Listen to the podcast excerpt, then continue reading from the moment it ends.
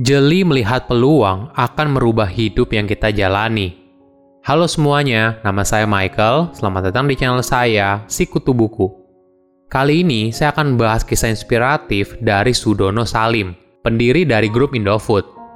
Hampir semua orang di Indonesia pasti tidak asing dengan nama Indofood.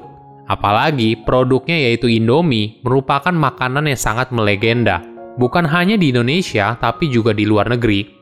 Namun, kesuksesan yang diraih oleh Sudono bukanlah hal yang mudah. Dimulai dari nol hingga bisa menjadi salah satu orang terkaya di Indonesia.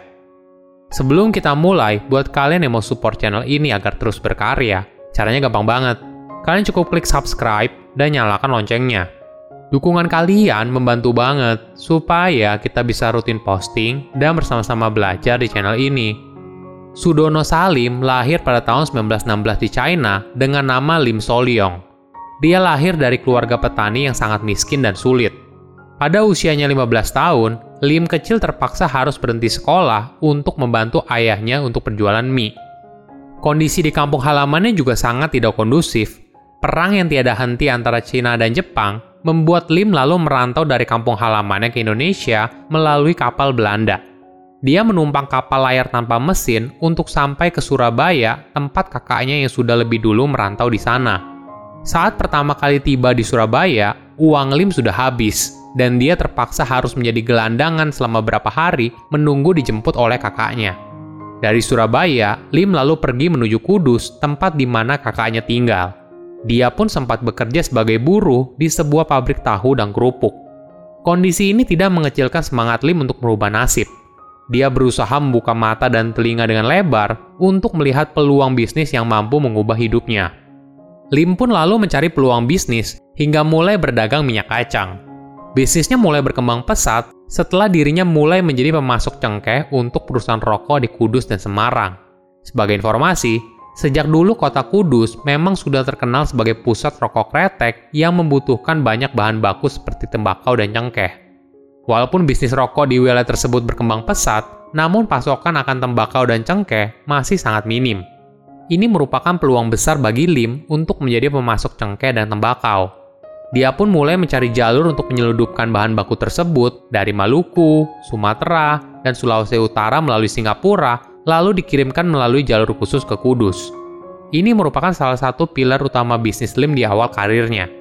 Hingga pada usianya 25 tahun, Lim menjadi salah satu bandar cengkeh terbesar di kota Kudus. Sebagai informasi, Indonesia saat itu masih berada dalam jajahan Belanda. Di sana, Lim menikah dengan gadis asal Lasem yang merupakan anak dari saudagar besar di Kudus yang bersekolah di sekolah Belanda Tionghoa.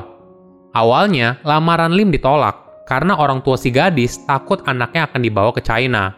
Namun dia tidak menyerah Lim lalu melamar lagi hingga diterima dan diizinkan untuk menikah.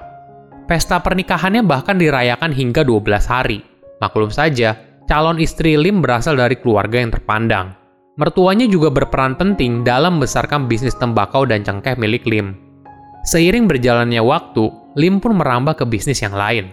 Dia menyediakan pasokan barang medis untuk tentara revolusioner Indonesia di Medan Bisnis inilah yang membuatnya bertemu dengan Soeharto yang saat itu menjabat sebagai perwira tentara Indonesia. Bahkan kedekatannya dengan tentara revolusioner membuat Lim sempat dituduh sebagai pemasok senjata oleh tentara Belanda. Dia pun lalu membantah mentah-mentah tuduhan tersebut. Pada tahun 1942, Jepang datang ke Indonesia dan menghancurkan semua hal yang telah dibangun oleh Lim dengan susah payah. Penjajahan Jepang buat semua bisnis harus dihentikan, dan keadaan sulit ini terus berlanjut selama tiga tahun kemudian hingga akhirnya Jepang angkat kaki dari Indonesia. Pada tahun 1945, Lim menjadi penyedia jasa logistik, senjata, dan obat-obatan bagi tentara yang ada di medan perang untuk menghadapi Belanda. Barulah ketika Indonesia merdeka, Lim mulai menata kembali hidupnya dan pindah ke Jakarta untuk mengadu nasib. Dia pun berusaha mencari peluang bisnis yang baru, Salah satu bisnis yang digarap adalah bekerja sama dengan beberapa perusahaan asal China dan Hong Kong untuk menjadi pemasok utama produk kebersihan berupa sabun kepada Tentara Nasional Indonesia. Dia pun akhirnya menjadi salah satu pemasok untuk kebutuhan dinas ketentaraan. Lim juga menyadari di awal kemerdekaan, kesulitan ekonomi merupakan masalah yang besar. Inilah yang membuat dia bersama Mokhtar Yadi mendirikan bank yang diberi nama Central Bank Asia Di kemudian hari, kita akan mengenal kalau bank ini akan berganti kepemilikan dan berubah nama menjadi Bank Sentral Asia. Era Orde Baru merupakan era di mana keadaan ekonomi Lim sangat bersinar. Lim pernah datang menghadap Soeharto dan meminta saran tentang usaha apa yang bisa dilakukannya.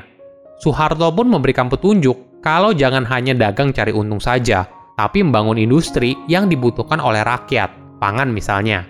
Inilah yang menjadi dasar Lim membangun perusahaan penggilingan gandum bernama PT Bogasari Flour Mill bersama tiga rekannya yang lain pada tahun 1968. Dari Bogasari, Lim juga mengembangkan bisnis olahan tepung terigu berupa mie instan di bawah Indofood. Produk yang diberi nama Indomie ternyata meledak di pasaran dan sukses berat hingga sekarang. Bahkan saking terkenalnya Indomie di luar negeri, produk tersebut menjadi bahan makanan pokok di salah satu negara di Afrika yaitu di Nigeria. Kelompok pengusaha ini juga berhasil mendirikan pabrik semen terbesar di Indonesia dengan nama PT Indosemen Tunggal Perkasa. Kedekatannya dengan penguasa melancarkan berbagai proyek bisnisnya. Misalnya, PT Bogasari Flour Mill juga sempat dianggap melakukan monopoli pasar tepung di Indonesia dengan pasokan 2 per 3 dari seluruh kebutuhan gandum nasional. Gurita bisnis Lim pun berlanjut, dia juga memasuki sektor properti melalui PT Metropolitan Development yang merupakan pengembang dari berbagai perumahan elit, seperti Kota Mandiri Bumi Serpong Damai dan Pondok Indah. Lim juga merambah ke bisnis otomotif melalui PT Indomobil.